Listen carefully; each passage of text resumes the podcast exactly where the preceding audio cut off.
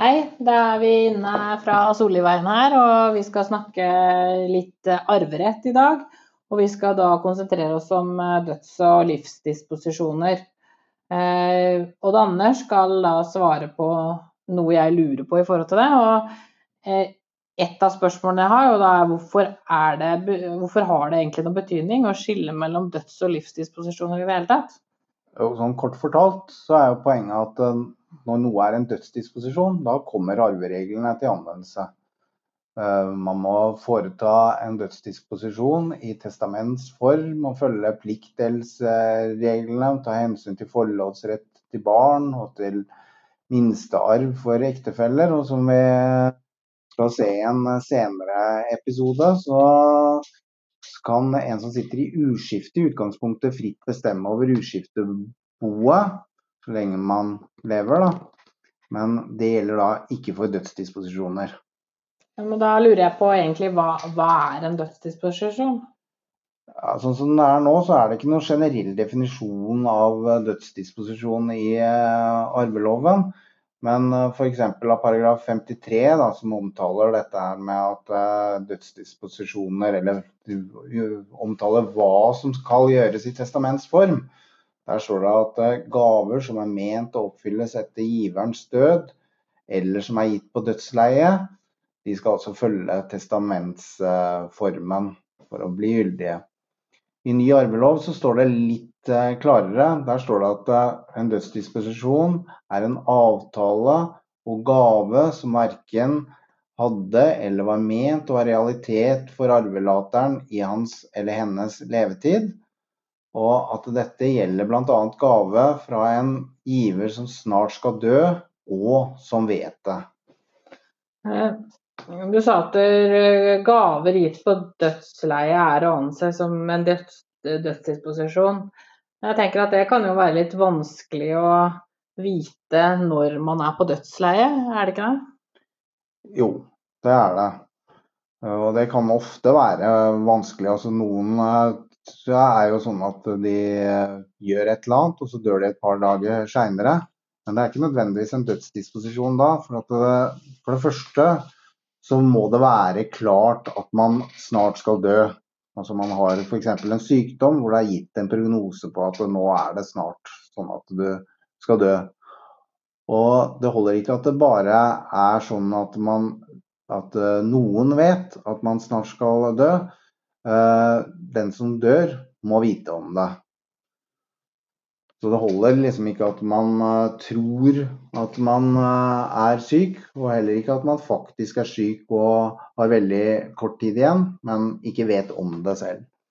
Ja, men er det noen sånne grenser der på hvor La oss si at man veit at man skal dø, og, og at man ja, man har fått dårlige prognoser, og at man vet om det. Men hvor lenge kan man ligge på et dødsleie? Det kan jo være at disse prognosene ikke slår stikk, for å si det sånn.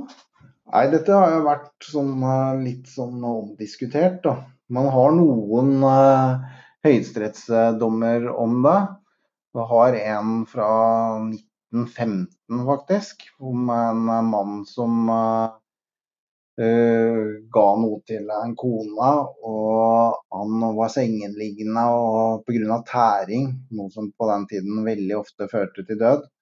Og han døde tre måneder etter at han hadde gitt dette til sin kone. Da. Og det sa man at det var en dødsdisposisjon. På den andre siden så har man en dom fra litt seinere, 1927, der det ble sagt at tre og et halvt år, det var for langt. Og I litteraturen så har man vært litt sånn uh, tvilende til hvor grensen uh, går, men, men, man har vel sagt at det sånn rundt seks måneder er maks hva man kan anses å ligge på dødsleie. Ja. ja det høres ut som en vanskelige vurderinger dette er, da. Eh, hva med ytelser som er gitt eh, før dødsleie, da? Ja, Utgangspunktet der er jo at gaver som er gitt før dødsleie, det, de er gyldige uten at giveren trenger å tenke noe på noen arveregler. Men uh, hvis det er sånn at man ikke har, uh, har eller, eller, altså at gaven ikke har virkning, eller ikke heller er ment å ha virkning før etter døden, så vil det være en dødsdisposisjon. Ja, ok. Men hva med gaver som gis før dødsleie, men som ikke er fullstendig oppfylt da, før dødsleie? Altså, det avgjørende vil jo da være om den var meningen at den skal ha virkning før dødsleie. dødsleie. Har man f.eks. overdratt penger eh, på en konto, men den er sperret til giveren er død, så er ikke gaven ment å ha virkning før døden. Eller om man f.eks. overfører en eiendom, men beholder boretten. Det kan man for så vidt gjøre i seg selv, men hvis man i tillegg tar eh, alle utgifter, at, eh, at plikten til å ta utgiftene og sånn ikke går over på den man skal gi den til, så kan man si at da har den så lite virkning eh, før døden at det ofte vil anses som en, en dødsdisposisjon.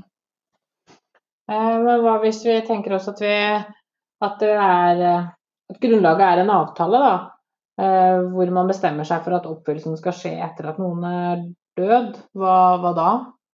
Altså dette med dødsdisposisjon, det er jo det gjelder jo da gaver, på en måte. At det må jo vært eh, overført noe til den andre som man ikke har fått en full gjenytelse for.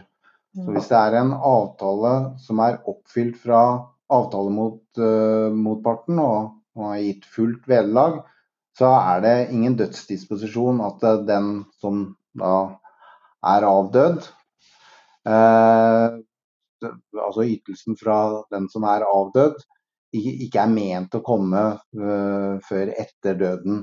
F.eks. så kan en foreldre selge boligen til et av barna, og barna har gitt fullt vederlag for den, så kan det fremdeles være en livsdisposisjon selv om eiendommen overfører etter foreldrens død. Uh, men er det ikke gitt fullt vederlag, som det ofte kan være i sånne tilfeller, da kan det være en gave og dermed en dødsdisposisjon. For da har det skjedd en overføring uh, uten at det har vært noe vederlag uh, for den. Dette her kan også være et tilfelle hvis man uh, har pleiet en avdøde, og det er avtalt at vedkommende skal ha et vederlag for dem. Og så må det være greit om dette vederlaget kommer etter at man er død. Da er det på sett og vis ikke en gave, da. Nei, for da er det ikke gaver lenger. Det er det som er poenget om det er et gaveelement.